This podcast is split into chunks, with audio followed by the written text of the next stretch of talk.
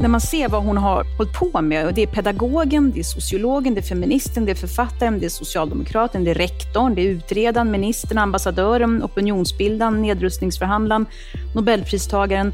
Jag eh, vet hur man blir lite matt. kan du se en konstans i ja. detta? Det mm. är det rationella tänkandet. Det är det? Det är förnuft. Mm. Och det kan ibland bli ett förnuft som övergår allt förstånd, skulle jag vilja säga. Att det liksom drivs lite för långt.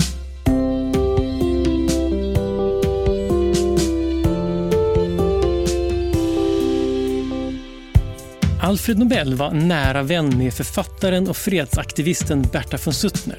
Och de diskuterade ofta fredsfrågan von Suttner hoppades att Nobel skulle donera pengar till fredsrörelsen, men han var ganska skeptisk.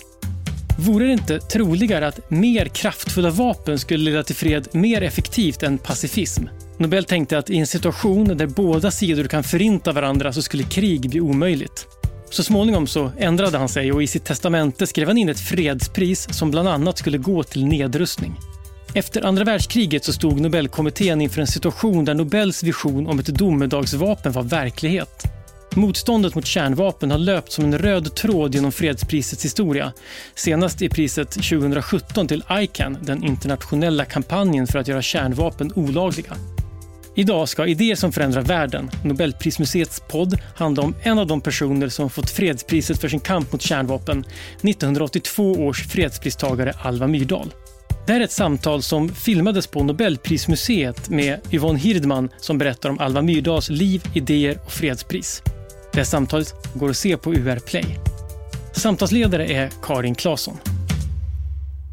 Varmt välkommen hit till Nobelprismuseet. Tackar, tackar. Och det är då ingen slump att du är här för att tala om Alva Myrdal. Du har onekligen satt dig in i det svenska 1900-talet och inte minst i Alva Myrdals arbete och idévärld.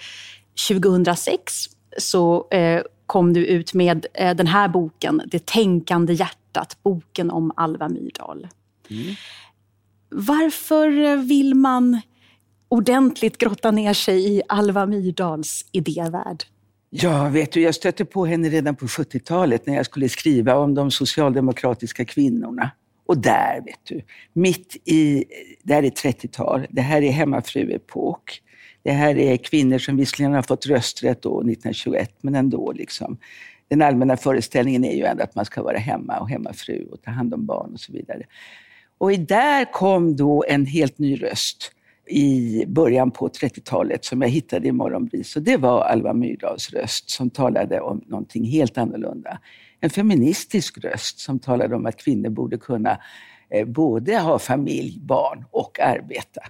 Och sen när jag skrivit om den svenska välfärdsstaten så finns hon ju med, inte i maktens centrum, för hon var ju ändå kvinna, men som opinionsbildare. Och sen förstår du, i början, år 2000, så släpptes då brevväxlingen mellan Alva och Gunnar Myrdal. Det är alltså 20 år sedan och fortfarande var ju historieämnet mest liksom om de stora sakerna. Och att plötsligt liksom få skriva historia om det så kallade lilla livet, om kärleken och framförallt mellan de här två eh, giganterna, som vi brukar säga. Va? De här två, Gunnar och Alva Myrdal. Det var det var fascinerande, hypnotiserande. Jag satt dagar i sträck liksom på arbetarrörelsens arkiv och skrev av deras brevväxling.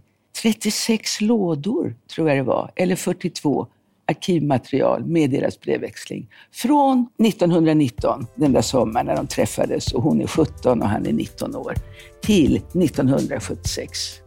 Det är du. Ja, det, det, det, är mycket material att gå igenom. Det är mycket material, ja herregud. Yvonne Hirdman är historiker och författare och har skrivit en lång rad böcker, bland annat den Augustprisbelönade Den röda grevinnan. Hon har ofta makt och genus som perspektiv på historien. Det var faktiskt hon som lanserade begreppet genus på svenska. Hennes teori om genuskontraktet, alltså att könsmaktsordningen upprätthålls av att män och kvinnor iscensätter de sociala roller som kopplas till deras kön, syns inte minst i Det tänkande hjärtat, hennes biografi över Alva Myrdal. Jag tänkte, eftersom vi nu sitter på Nobelprismuseet, så tänkte jag att vi skulle kunna kanske börja med Nobelpriset. Och det är ju lite för Alva Myrdals del att börja i slutet. Det är att börja i slutet. Eh, för 1982 så är hon 80 år gammal. Mm. Hon har fyra år kvar att leva. Mm. Och hon är kallad till ett decemberkallt Oslo för att ta emot eh, Nobelpriset. Mm. Och det är inte bara kallt väder, det är också ett kallt krig som har pågått i decennier, då mm. stormakterna har rustat mm. sig mm. med kärnvapen.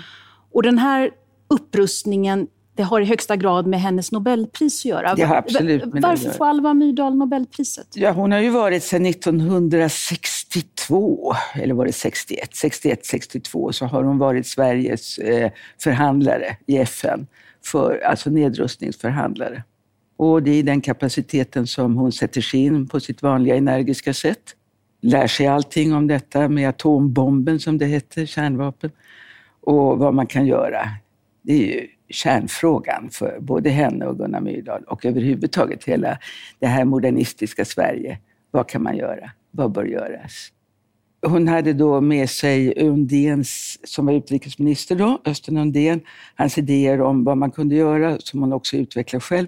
Nämligen att för det första att man kunde få till stånd ett provstopp, alltså att inte utveckla nya varianter utav det här hiskliga vapnet, liksom, så skulle det långsamt det är det ena. Liksom. Och det andra är att se till att begränsa vilka länder det är som har atombomb. Och det tredje var ju då att man måste kunna kontrollera att de här stormakterna, Sovjetunionen och USA, håller vad de lovar och så vidare.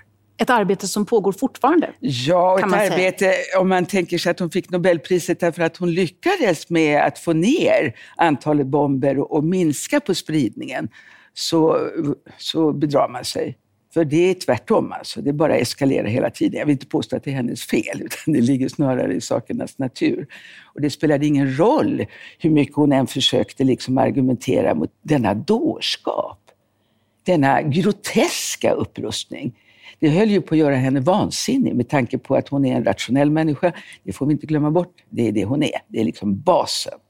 Och att se hur dessa mängder av pengar som kunde användas för att skapa lycka på jorden och välstånd och välfärd för människor, hur det används på vapen. När det finns tillräckligt med atombomber för att bomba sönder mänskligheten redan 1962. Jag hörde henne då. Hon talade på eh, TCO-huset och jag satt där som eh, 20-åring.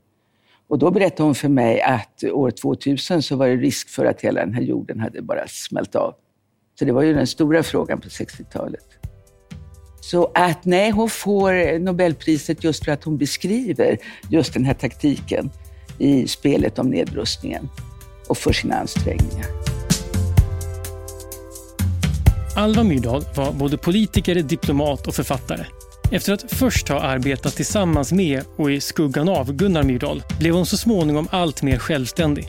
Efter andra världskriget fick hon som första kvinna toppuppdrag inom Unesco och 1956 till 61 var hon Sveriges ambassadör i Indien. Det var därefter som hon började arbeta för fred och nedrustning när hon blev just nedrustningsminister i den svenska regeringen. I den befattningen deltog hon i det internationella nedrustningsarbetet och 1973 skrev hon den inflytelserika boken Spelet om nedrustningen där hon sakligt pekade ut det irrationella i kapprustning. Det finns ingen logik i att kapprusta när båda sidor kan utplåna den andra många gånger om.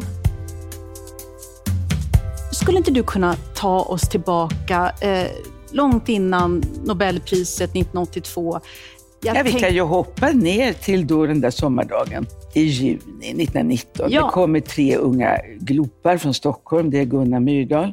Han har med sig en kamera utan glasplåtar i, bara för att imponera och få, få logi på kvällarna. Så låtsas de ta foton. Det är tre studenter alltså. Eh, det är Franciscus och det är Sven Tisell. Så de tre, de kommer till Eskilstuna, till Slagsta, där Alva Myrdal, eller det hette hon ju inte, eh, Reimer hette hon där hon bodde med sin syster. Och det är betecknande att Alvas mamma är bortrest när de här tre pojkarna kommer. Annars kanske inte hade blivit som det blev. Kort sagt, där förälskade de sig i varandra för de fick logi. Och sen följde hon med, vilket är mycket märkligt tycker jag. Jag har alltid tyckt mycket märkligt att hon bara följde med de här pojkarna på deras vandring. De skrev efter henne och hon kom. Mycket märkligt. Det här är ju en slags Myrdalssaga som de berättade för varandra, särskilt på sin åldershöst, liksom om och om igen, när vi möttes. Särskilt Gunnar också, som var den mer sentimentala av de här två. Du och jag, Alva, när vi möttes. Och det är två unga personer. Vad, vad, vad skulle du säga att de, vad ser de hos varandra? Ja, han ser väl framförallt en väldigt söt flicka, 17 år. Inte kan han förstå att hon har en knivskarp hjärna under det där ljusa håret och de där gråblå ögonen som tittar liksom på honom lite blygt. Hon ser liksom en jättevacker, stilig ung man med en lock i pannan sådär. De blir ju jättekära i varandra. Så är det.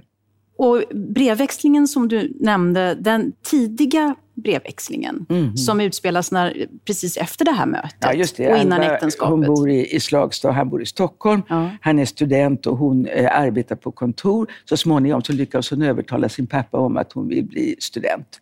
Hon får ju läsa in den som privatist. Så.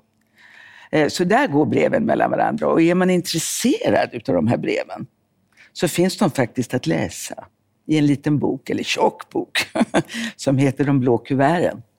Och där kan man verkligen läsa de här långa dropperna. De skrev ju alltså två, tre brev till varandra i veckan. Det här är ju det sätt som man hade att skriva och att läsa. Det är inte radio, det är inte bio, det är inte musik, det är inte film, det är böcker, böcker, böcker. Och där har vi Alva, va? hon är 17, 18, 19 år och hon tillsammans med sin väninna Märta så eh, suger de åt sig böcker från antikvariaten där i Eskilstuna och läser. Hon läser allt. Det ska man ha klart för sig. Allt. Hon läser eh, filosoferna, hon läser Nietzsche, hon läser Schopenhauer, hon läser Kant, hon läser Comte. Hon läser Strindberg, alla romaner och så vidare. och så vidare. Så hon är väldigt well read. Och den så, vetgirigheten går ju igenom hela hennes, hela hennes liv. liv. Ja. Hela hennes liv. Det är det bästa hon vet. Det, det, det, är liksom när, när hon tar in kunskap skriver hon, jag kommer inte ihåg när eller vem eller till vem, kanske till sin dotter. Det är så att hennes hjärna liksom vidgas. Man kan tänka sig nästan som en slags intellektuell orgasm, om man så vill. Mm. Och, och, här finns ju någonting som är motsägelsefullt. Därför när man tittar, eh, när man läser din bok och när man, när man tittar på några av de här breven, så finns det ju... Du, du, du har ju forskat mycket kring genus. Mm -hmm. Och eh, det är som en genuspositionsfest, om jag får Eller uttrycka mig. Jag kallar det nästan för ett genusdrama. Ett genusdrama. Det här är alltså 20-tal i ett samhälle där kvinnor som sagt var inte förväntas vara annat än ett bihang, hustru Eh, och så vidare. Och eh, Gunnar Myrdal är ju, när Alva träffar honom, han tycker inte att kvinnor ska ha rösträtt. Det bidrar till att göra massan mer till massa, som man skriver. Och det ger ett erotiskt inslag i massan som inte är bra för politiken. Eh, så att, ja. Hon hade mycket att bearbeta, den unga Alva, liksom, med det här råmaterialet. Denna sturske, konservativa, misogyna unga mannen, faktiskt, måste jag säga. Så att, eh, det är inte lätt. Va? Och det fascinerande är ju att här kan man verkligen se i de här breven hur man gör genus. Alltså hur man gör sig till kvinna, hur man gör sig till man. Direkt alltså, konkret. Så här. Gunnars, du gör, du vill, du kommer, du ska. Det är liksom så här. Du, skriver han till henne, får inte tänka stort och kraftfullt som jag. Du ska tänka litet och smått. Va? Och hon, hon gör det. Hon gör sig till kvinna. Hon skriver det rent ut. Alltså, jag, är ju så, jag har ju inget system i mitt tänkande. Jag är ju så passiv. Hon anpassar sig till den här stereotypa figuren kvinna. Hon gör vad hon kan. Och det är hjärtskärande att läsa. Men tolkar du det som en en medveten metod från henne? Eller? Nej, alltså hon är ju så inskriven i sin tid, ja. vilket han också är. De är ju som marionetter. Liksom. Det är här man kan se hur ett genussystem, som jag ser det, liksom, hur det verkar på små människor, begåvade människor. Och Man kan också se hur de så småningom manövrerar sig ur det hela. Hon får honom att bli feminist. Hon får honom att skriva i kvinnotidningarna på 30-talet att kvinnor borde gå ut och lönarbeta. Så hon får honom över på sin sida. Och hon eh, ändrar sig själv också. Men hon får ju ett slags, och hur skulle hon inte få det? Manipulerande drag. Hur skulle hon inte få det? Hur skulle hon inte utveckla det? Man skulle kunna kalla det för en genusskada om man vill. Det är det enda sättet hon, hon handskas med honom. När han till exempel då, när hon äntligen med lysande betyg tar studenten 1922, så ville ju hon ha en studentmössa på sitt lockiga huvud. Men det ville inte han. Det vanpryder en flickas vackra ansikte. Och hur hon ändå, nu kommer jag inte ihåg alla turerna, men hon får honom ändå med sig. Och det finns ett foto där hon går tillsammans med, med Gunnar, hand i hand, och bägge har sina studentmössor. Så, så hon får ju hela tiden som hon vill. Men hon lägger upp två mycket märkliga strategier där på 20-talet eh, utifrån. Och det ena är att hon ska bli hans sköldmö. Och det har jag funderat mycket på. Sköldmö. Det är en som bär skölden åt hjälten. Liksom, så. Och som ska bistå och hjälpa. Den lilla, lilla mannen nästan. Liksom. Och det andra det är att hon då anpassar sig till hans dröm. Han vill ju se henne då som husmor, maka, den som föder honom små barn, som ska lära sig att spela piano och sjunga man och mord och morske män. Ja, och så ska hon ha ett litet spetsförkle på sig. Ja, svarade hon, men jag ska väl inte ha ett sånt där som servitriser har? Ja, kära någon. Men i alla fall, det är den andra strategin. Att, och då tar hon i då ska hon verkligen bli eh, maka och moder. Det finns en bok som hon har som heter Fataburen där hon samlar idéer och tankar och sånt där. Och där finns ju då uppradat vad alla barnen ska heta. Och lustigt nog också, det här är ändå en intelligent kvinna som vet hur, hur människokroppen fungerar, så skriver hon också in när de ska födas med datum.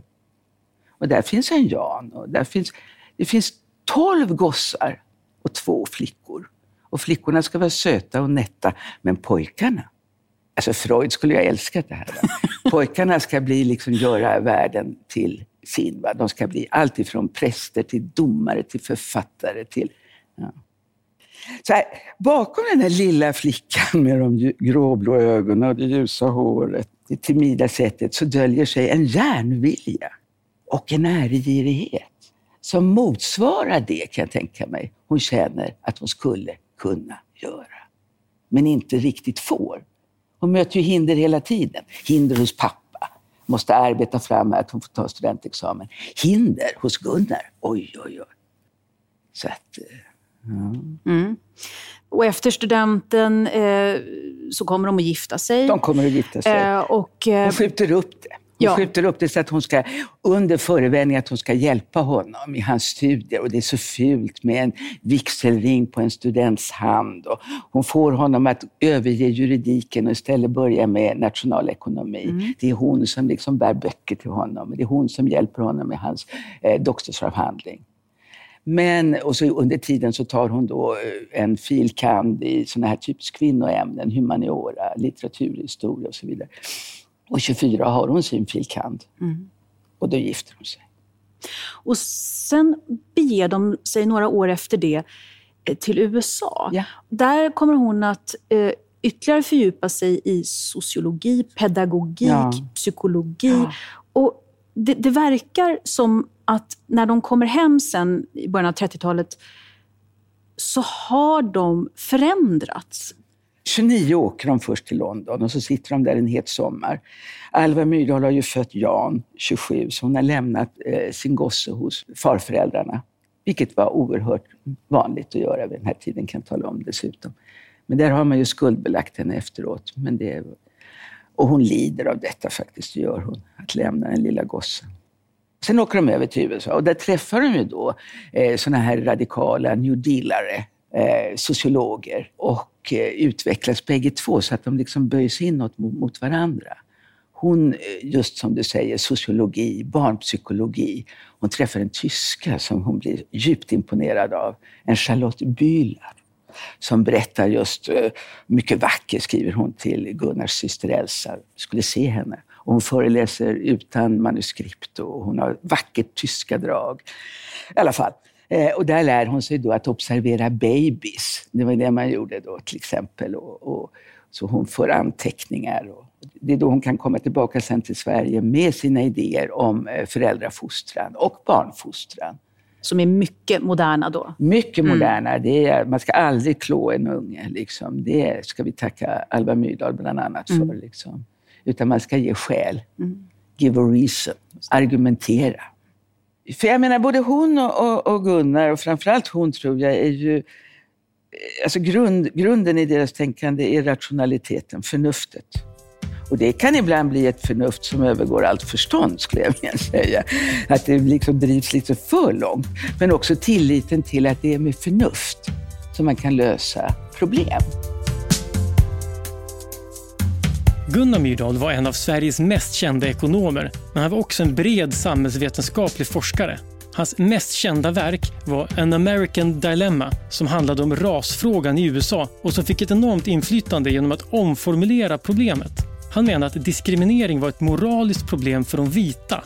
Det fanns ett glapp mellan deras ideal av ett fritt Amerika och de svartas ofrihet. Så rasdiskriminering drabbade alltså svarta men det var ett problem för de vita och som de vita hade ansvaret att lösa. Istället för att fokusera på vad svarta kunde göra för att förbättra sin situation så skulle man fokusera på vad vita kunde göra för att sluta diskriminera. Gunnar Myrdal fick ekonomipriset 1973 tillsammans med Friedrich von Hayek. De var minst sagt oense och Myrdal såg delningen som ett så stort problem att han ett par år senare föreslog att hela ekonomipriset skulle läggas ner eftersom det hade blivit för politiskt. Och vill du höra mer om Friedrich von Hayek kan du lyssna på poddavsnittet Har vi råd med friheten där Johan Norberg berättar mer om Hayeks tankar kring ekonomi och frihet. När jag kom hem då till, eh, till Sverige, det här är 30-tal, och för en historiker, och det är ju här jag möter henne första gången också, som den här radikala feministen, eh, i jämförelse med de här andra lite mera muggiga hemmafrufeministerna, särartsfeministerna. Så så har ju då svensk socialdemokrati varit väldigt framgångsrik i valet 1932. Och det är nu det börjar. Som historiker så kan vi ju se liksom att här är take-off. Det visste man ju inte då, att de skulle sen sitta vid makten ända till, ja, gud vet, 70-80-tal. Men då öppnar sig verkligen möjlighetens fönster för dem, liksom, att kunna påverka politiken och reformpolitiken. Och det är nu som Gunnars intresse för ja, men hur fungerar ett samhälle, hur är det med människorna och så vidare.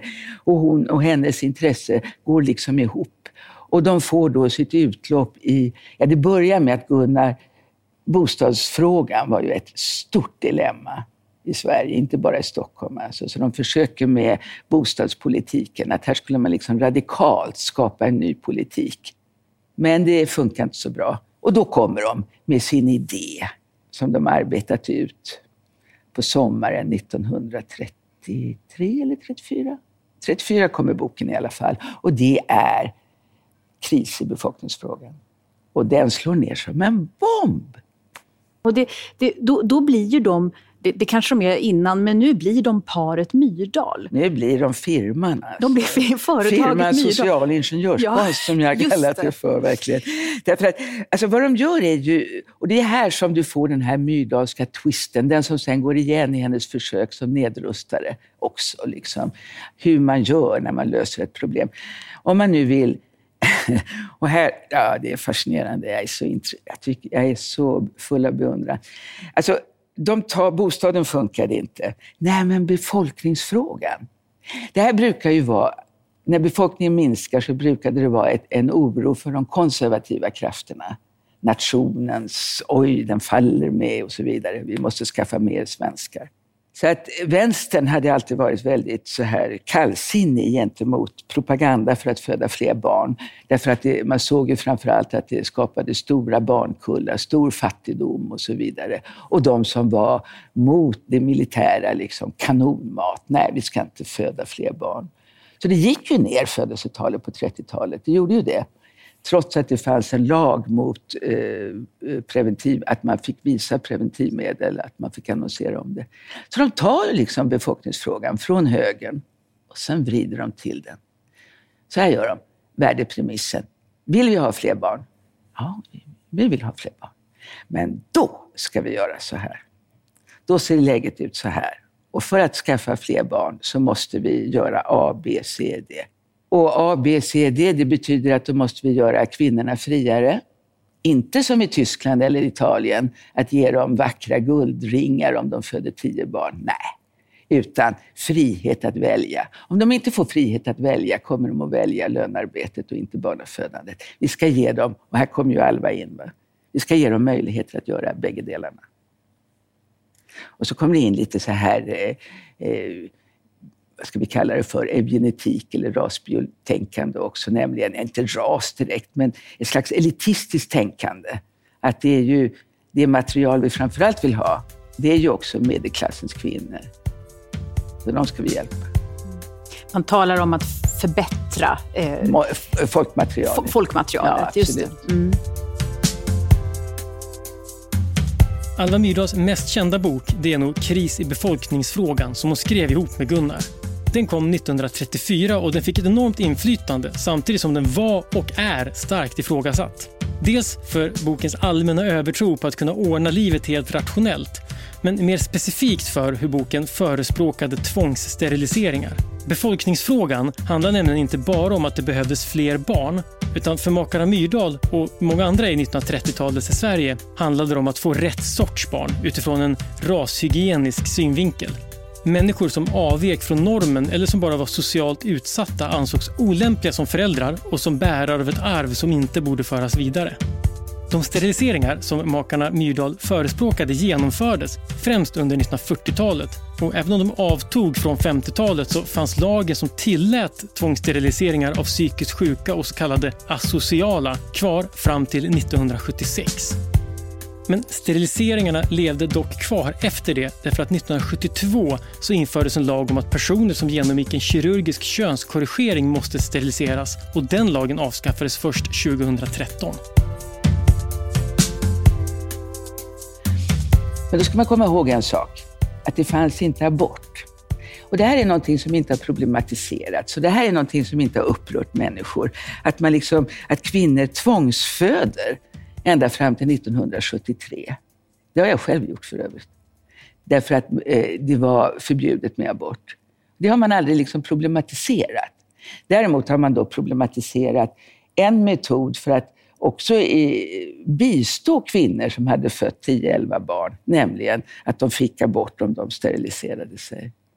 Det var inte enda skälet, det ska villigt mm. erkännas. Mm. Det fanns ju också en politik för att de så kallade imbecilla inte skulle föröka sig mer och så vidare. Ett sätt att släppa ut dem från, från anstalter och så. Mm.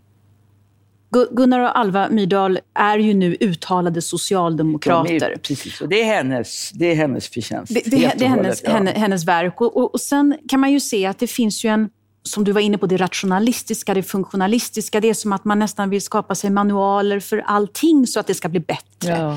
Ja. Eh, och, och, ibland går detta onekligen överstyr, som, som vi har varit inne på. Men, men, men det finns ja. en grundtanke om en bättre värld. Det, finns, det, red, alltså det var ju det jag tyckte var så fascinerande det här utopiska tänkandet som finns och som de själva inte skulle tycka var utopiskt alls. Men har man läst de här gamla utopisterna, Fourier, Cabet Eh, och så vidare, så ser man ju att det är samma tanke. Det är den här tanken om att skapa mesta möjliga lycka åt största möjliga antal.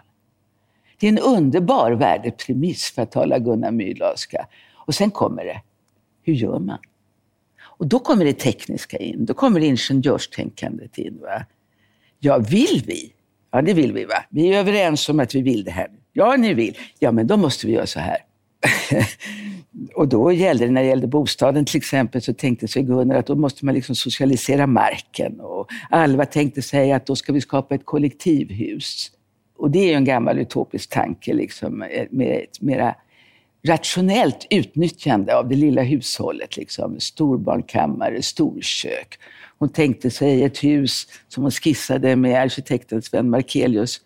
Och det finns ju en variant utav det här i, i, i Stockholm. Men hon tänkte sig verkligen grandiost om eh, storbarnkammare, små lägenheter, restaurang. Man skulle trycka på en knapp så fick man upp middagen. Ett tvättnedkast. Och så samtidigt har jag tänkt på, i alla de här utopierna, så glömmer man en sak. va? Man glömmer ju de där som står där nere och sorterar tvätten i källaren. Liksom. Vilka är det då? Ah, det ingår inte riktigt i planritningen. Ja. Så att där finns verkligen det utopiska tänkandet. Mm. Så.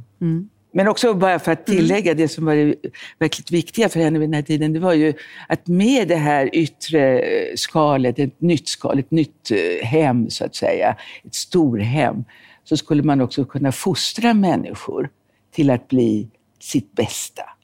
För det är ju den här tanken som hon har och som går igen också sen när det gäller eh, stormakterna och atombomber och el. Så onödigt. Och det är klart att för en rationellt tänkande socialingenjör så är det ju så mycket onödig olycka. Människor gör sig olyckliga därför att de är okunniga och vidskepliga. Det är mycket här som jag, som jag tänker yes, särskilt i vår tid också. Mm. Det, det är en väldig tilltro till expertis. Ja. Och hon, utgår jag från, anser sig själv vara Ja. expert. Ja. Eh, Och, och Gunnar likaså. Blev hon ifrågasatt? Ja, det blev. Inte så mycket på 30-talet eh, eller 40-talet, utan det stora ifrågasättandet kommer någon gång i slutet på 1900-talet i samband med Jan Myrdals böcker om sin mamma, där han ger ett fantastiskt förvridet porträtt från barnperspektiv utav denna moder. Va? Jag kan gott tro att Alva Myrdal band ett litet snöre kring hans finger och så band det till sitt eget för att känna om han vaknade. Det var en omsorg och kärlek från hennes sida och han tolkar det helt annorlunda. Eller när hon säger åt honom att om du vill ta en köttbulle i, i, i skafferiet så se till att du liksom lägger dem sen så att ingen ser. För det finns ju ett drag hos Alva Myrdal som jag också tror går igen hos hennes son, som är lite fokuserat. Ett drag som gör att hon har också väldigt lätt för att lära det hon är intresserad av. Men som också innebär att hon hade problem med kanske den sociala omgivningen och kunna läsa av folk. Och sådär, va? Så Jan Myrdal föds alltså 1927 och deras 27. äldste son. Deras äldste Och han blir ju sen av egen maskin en, en, en debattör och författare. Och 1982, alltså är samma, alltså samma år, sommar. ja, samma år som hon får sitt Nobelpris. Så är det i Expressen så har de sån här utdrag ur en kommande bok som Ja. heter Barndom. Precis. Där han just beskriver sin, sin mamma som den kalla, kyliga isdrottningen snarast. Liksom. Alva Myrdals fredspris 1982 hamnade i medieskugga när Jan Myrdal publicerade boken Barndom samma höst. Det var en svidande uppgörelse med Alva och Gunnar som han menade inte hade varit vare sig närvarande eller kärleksfulla föräldrar. Genomslaget blev stort, dels för att alla inblandade var offentliga personer, men också för att Alva Myrdal var känd som expert på familjepolitik och hur hemmet skulle organiseras. Hennes döttrar skrev också böcker om sin mor. Båda två var betydligt mer försonliga mot henne och många utomstående menar att Jan Myrdals kritik av föräldrarna kanske var mer känslomässig än saklig. Och hon är fullständigt förtvivlad. Hon är fullständigt förtvivlad. Ja, för det här är ju inget gott betyg som Jan Myrdal ger till sina föräldrar. Och extra Nej, det var ju smaskens för dem. Som, Ja. jag menar, här kommer hon, den stora barnuppfostraren, den stora moralisten, hon som vet hur man ska göra och så Mm. vidare. Voilà, titta här. Och Gunnar var rasande. Det finns en scen när Alva Myrdal ska ta sitt barnbarns katt på tåget Ja, eh, ner till Göteborg. Och katten är rasande arg. Den sitter i en kattbur. Eh, och den fräser och är väldigt missnöjd överhuvudtaget. De åker ner till barnbarnet, de öppnar luckan till buren och katten rusar upp på hatthyllan och ligger och piskar med sin svans och morrar eh, hotfullt. Och då utbrister Alva Myrdal att den är i varje fall nöjd. Titta så den spinner och viftar på svansen. Och det här tar ju då eh, Jan Myrdal som ett tecken på att hon har svårt att läsa av. Och det är kanske lite det du, du, du är inne på Jag tror, där. jag tror inte han uttrycker sig så vackert. Om man skulle uttrycka sig så vackert så ser man att här kan det finnas ett bekymmer för henne, en, en brist hos henne, någonting Ja. som gör livet svårt för henne. Utan han uttrycker det mer som att hon är en väldigt kall och nästan elak människa, oförstående på något vis tror jag. jag tänker på det när hon sen 1900 nu hoppar vi visserligen i tiden här, men hennes verkliga karriär, om vi ska komma till det, den kom ju efter kriget. Hon får erbjudande redan 1946 om att liksom bygga upp Unesco, det nystartade FNs organ för att bygga upp vetenskap och sociala institutioner mm. i det totalt sönderbombade Europa. Och då tackar hon nej, för hon är lojal med Gunnar som har varit handelsminister och som nu har fått jobb eh, också för att bygga upp Europa ekonomiskt och, och, och så eh, i, i Economic eh, European Committee och sånt där, mm. i alla fall. Mm. Så att de flyttar till Genève. Och sen får hon ett erbjudande igen 47 och tackar nej. Men i 48 så kommer det från New York, från FN, om hon ville vara chef för de sociala frågorna där. Och då, då drar hon. Och då börjar, och det är ju bra för oss historiker, då börjar brevväxlingen på nytt mellan de här två. Liksom. Och då kan man verkligen se, från den här lilla blyga flickan som inte fick ha studentmössa, till denna otroligt kompetenta kvinna. Och så Gunnar. Ja som sitter där i Genève omgiven av vackra sekreterare och har sina döttrar i huset där. Och sticker bara faktiskt. Mm. Och då påbörjas en, en internationell karriär och även om den sen kommer få ett avstamp i svensk utrikespolitik så är det ju, det blir internationella frågor. Ja. Hon så, kommer till Paris sen, eh, när det är det, 51 eller något sånt där. Ja, i början på 50-talet, så efter FN då i New York, där hon verkligen trivdes.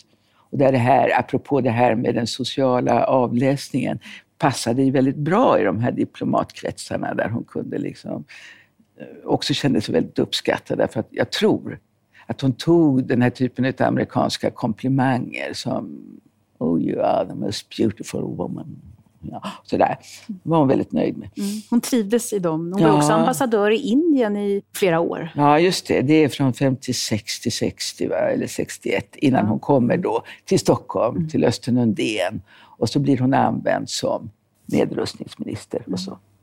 Vi ska ta och, och, runda av, men, men apropå Alva Myrdals CV.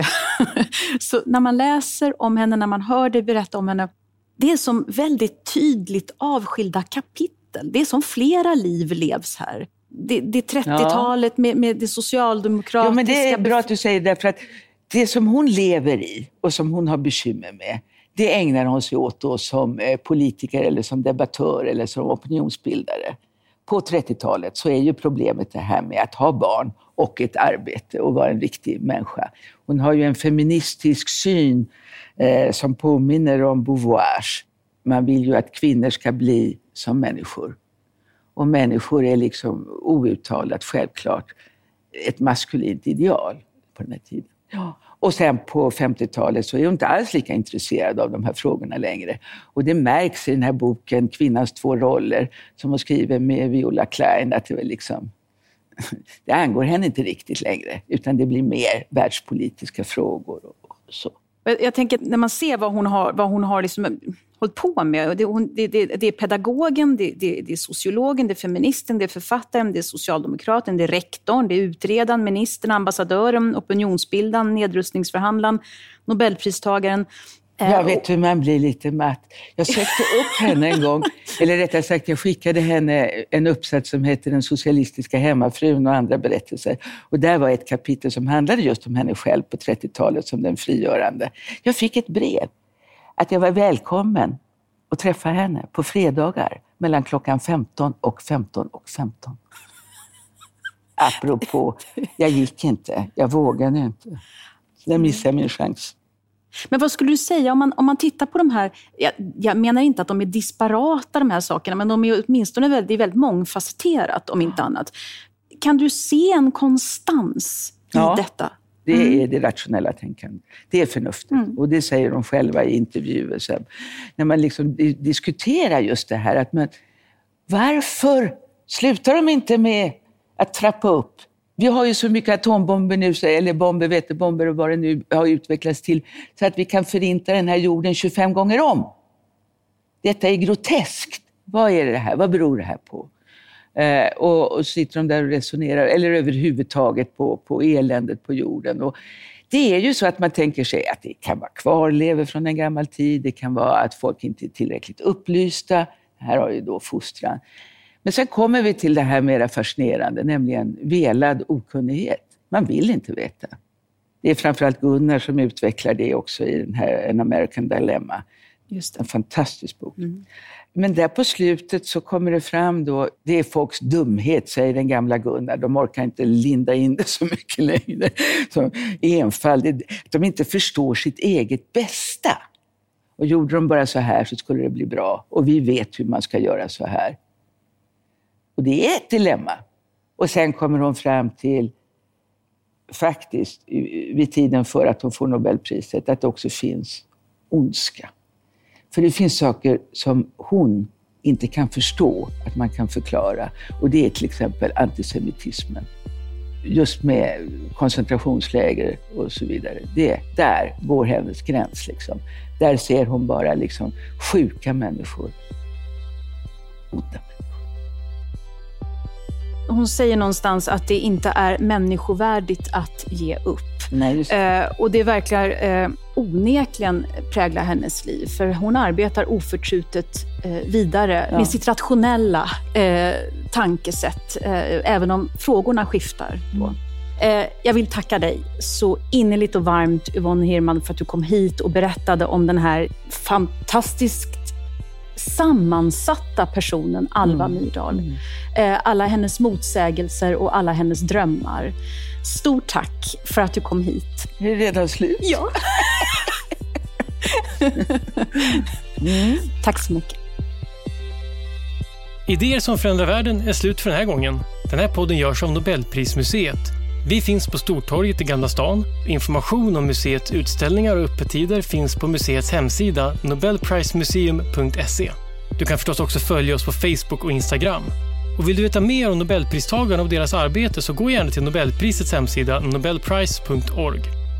Och ett stort tack till Nibe Group, EF Education First, Knut och Alice Wallenbergs stiftelse och familjen Erling Perssons stiftelse som möjliggör Nobelprismuseets verksamhet.